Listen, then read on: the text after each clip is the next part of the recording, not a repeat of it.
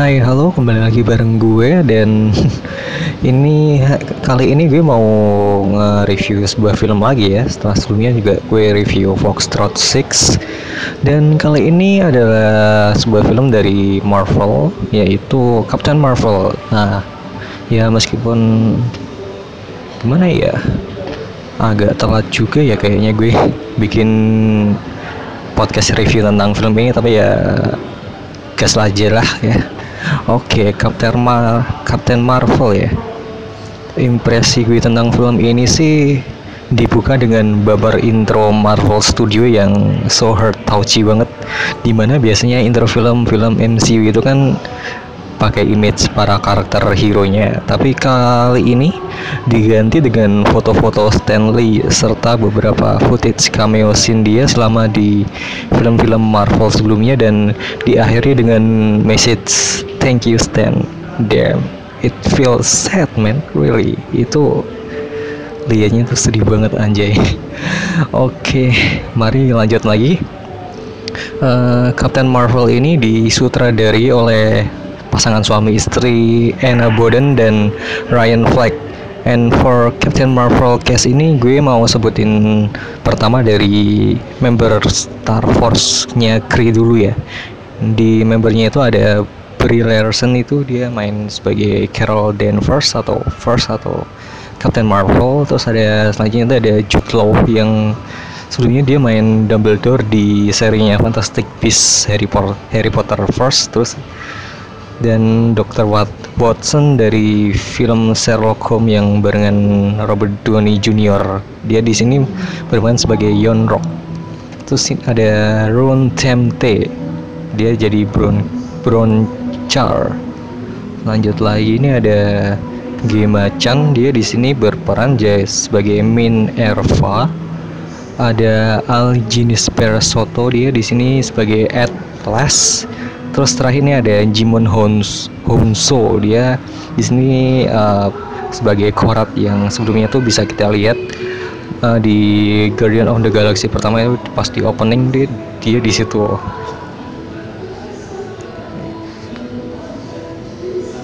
Terus selanjutnya ini ada Annette Bening dia di sini berperan sebagai Supreme Intelligence di planetnya Kree.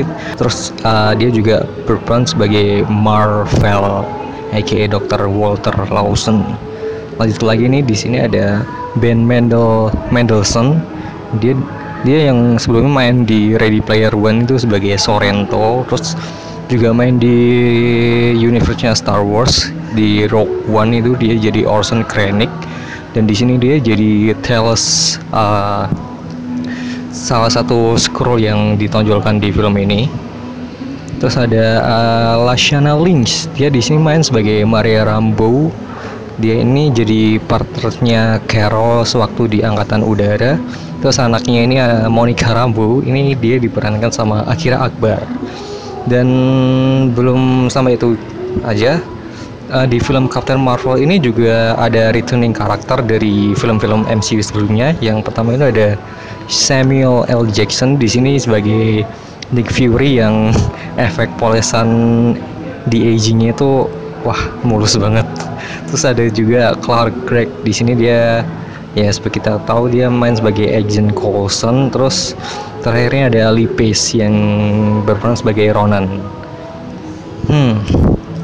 Dengan story Captain Marvel ini setting waktunya sih ada pada tahun 90-an ya tapi sebagian orang ada yang bilang sih ini tahun 95 di mana Carol atau di awal film ini tuh dia dipanggil First sudah jadi salah satu pasukan elit Kree yang dipimpin oleh Yonrok. Ada pula Bronkar, Minerva, Atlas, dan Korat. Setelah sedikit adu argumen dengan Yonrok yang mana akhirnya Force ikut disertakan ke misi untuk menyelamatkan mata-mata Kree di sebuah di sebuah planet, tapi pada akhirnya itu semua cuma sebuah ambush mission scroll untuk menangkap first demi dapat tujuan mereka. Well, so basic banget emang plot storynya kalau dilihat di awal. Tapi di sini di awal film kita dibuat penasaran dengan potongan sequence ingatan Carol yang even Carol sendiri pun gak yakinin itu pernah dialaminya sendiri. Tapi dengan berjalannya seiring berjalannya film kita bakal dikasih lihat who is Carol Danvers bagaimana dia menyempurnakan potongan ingatannya agar kembali utuh untuk mengulik cerita hidupnya selama ini serta berbagai fakta menarik macam Kree Scroll War, gimana akhirnya Long Project Shield tercipta dan gimana Fury bisa jadi seperti sekarang. Hmm, buat gue sih characterizing Carol Danvers di sini uh, B aja sih, tapi untungnya untungnya ada Nick Fury, Talos dan Maria Rambo yang bisa mengangkat chemistry film ini. Di sini Fury kayaknya agak lebih lepas sih dibanding penampilan penampilan dia sebelumnya. Ya mungkin maklum lah, uh, gara masih muda ya, lebih meledak-ledak tapi agak sedikit kecewa bagian di mana he's, he's lost his eyes. Yang menurut gue sih nggak banget dibanding kalau kita tarik mundur pas di film Winter Soldier dengan line The last time I trust some, someone I I lost an eye. Itu pas gue lihat pertama sih wow ini keren banget sih. Tapi kok di sini malah hasilnya wadaw gini. Hmm, and then tell us bangsa Skrull yang dipasang jadi villain di sini. Tapi pada akhirnya tujuan di sebenarnya tuh cuma mencari keluarga serta sebagian bangsa dia yang dilindungi Marvel, aka Dr. Lawson dari Kree sendiri. Hmm, gue agak tersentuh sih pas tahu niat aslinya dia dan pas uh, lihat scene dia akhirnya meluk anak sama istrinya tuh hmm, it's so warm man good character meskipun awalnya dia kurang digali biar lebih uh, lebih in ke dianya sendiri. And then less Monica Rambo well I've got the hype begitu pemunculan pertamanya di sini ya. Meskipun masih anak-anak sih tapi gue berharap ke depannya sih biarpun agak sulit juga kayaknya Marvel bahkan ngangkat dia ke layar lebar juga as a proton yang udah ditis di Easter egg nongol jadi apa ya alias di pesawatnya pesawat nyokapnya sih. Atau mungkin next wave nya man Marvel please do it please. Terus lanjut lagi uh, ke favorit scene. Ada beberapa sih yang jadi scene favorit buat gue pribadi. Pertama itu pas Carol udah sepenuhnya sadar siapa dirinya dan akhirnya udah ogah pakai kostum dengan warna grey lagi ya. Kemudian dia minta Monica ya buat ngemodif kostumnya. Buat yang tahu Captain Marvel dari komik pasti bakal ngeh. Corak warnanya itu adalah beberapa homage buat kostum Captain Marvel versi komik. Terus ada juga kostum Carol pas dia jadi Miss Marvel. Ya tapi kalau nggak salah juga sih ada kostum yang uh, apa ya nget uh, homage Captain Marvel versi publisher sebelah ya aka Shazam uh, pas warnanya jadi merah kuning sih uh, ada yang ngah juga ya kayak gue terus lanjut lagi scene favorit gue selanjutnya itu pas fight scene Carol ngelawan Star Force di markas rahasia Dr. Lawson itu di mana ada satu bagian pas Carol ngelawan Minerva yang mau nembak Carol Carol pakai Earth Weapon yang mana itu adalah Nerf Weapon nih. Well, uh, literally Nerf. Captain Marvel got Nerf man. Oh my god. Terus uh, ngomongin MCU pasti nggak bisa lepas dari cameo-nya Opa Stan. Yep, meskipun Opa Stan udah meninggal dunia tapi sebelumnya dia udah selesai buat tag scene cameo-nya di film Captain Marvel ini cameo dia di sini tuh ada di bagian di mana Carol yang udah di bumi sedang ngejar scroll yang disguise di kereta dan tiba-tiba itu Carol ngegap orang yang lagi baca koran atau buku skripsi gue lupa. Dan ternyata itu adalah Opa Stanley. Agak menarik juga sih cameo di, dia di sini yang mana dia tuh ngucapin kalimat trust me true believer. Itu nyatanya adalah line kalimat Stanley di film Mallrats keluaran tahun 95 dan disutradari sama Kevin Smith yang notabene dia dia itu adalah comic book fan yang eh ya aja dialog dia di sini tuh diambil langsung dari film aslinya karena suara Opa Stan pas waktu itu tuh apa ya katanya sih melemah karena sakit sakitnya itu uh, anyway tenang aja sih. Katanya sih Opa Stan juga udah selesai tag cameo dia nanti di Avengers Endgame yang bakal jadi cameo terakhir dia di jagat MCU ini sih. Hmm, well once again sih. Thank you Stanley. Rest in peace in there man. Terus lanjut ngomongin visual di film ini. Visual di film ini sih bagus banget kalau gue bilang. Uh, di agingnya Nick Fury dan Agent Coulson how can you not be amazed by that? Mulus bro. Terus lagi ada binary mode check space battle check cat CGI check.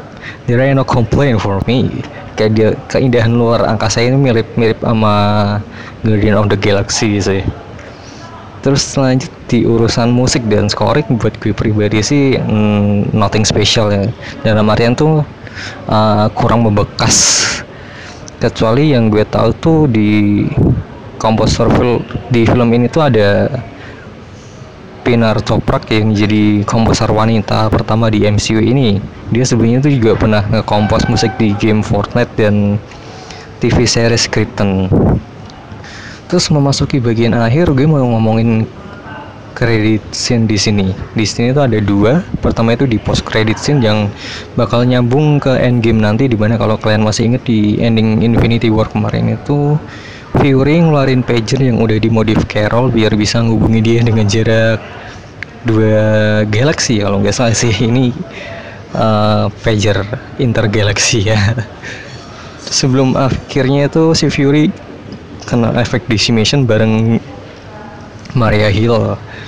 Terus kemudian pagernya tuh kemudian diambil sama Captain Roger terus ada Natasha dan Bruce Banner buat nyelidikin apa gunanya benda itu. And then sewaktu pagernya udah berhenti akhirnya Carol udah di belakang mereka. Wow such a fresh travel. Terus yang kedua ending kedua ini ada after credit scene yang kurang kerjaan banget sih menurut gue scene itu di dalam kantor Fury yang kosong cuma tinggal Gus doang Gus itu anyway kucing yang kayaknya mendapat spot banget di sini sih. Fan favorit banget. Kelihatannya itu Gus yang agak-agak mual gitu. Bau-baunya sih dia mau muntahin sesuatu sih ini. Eh taunya bener. Dia itu nggak lama kemudian muntahin tes serek yang sebelumnya tuh deh. Dia telan barengan beberapa beberapa pasukan kri di markasnya Marvel. Well that's it. Cuma itu doang sisinya kayaknya ya buat lucu-lucuan aja sih ini So, final words, Captain Marvel. Ini buat gue sih film yang bisa dibilang lumayan bagus, but not the best from Marvel.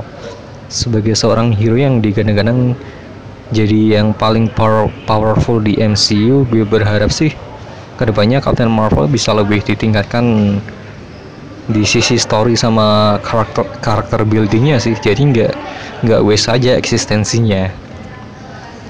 So that's it podcast ini tentang film Captain Marvel yang biarpun agak telat karena baru punya waktu sekarang buat bikinnya.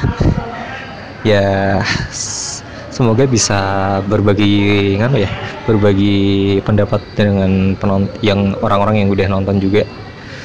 So ketemu lagi di podcast quiz selanjutnya. Bye.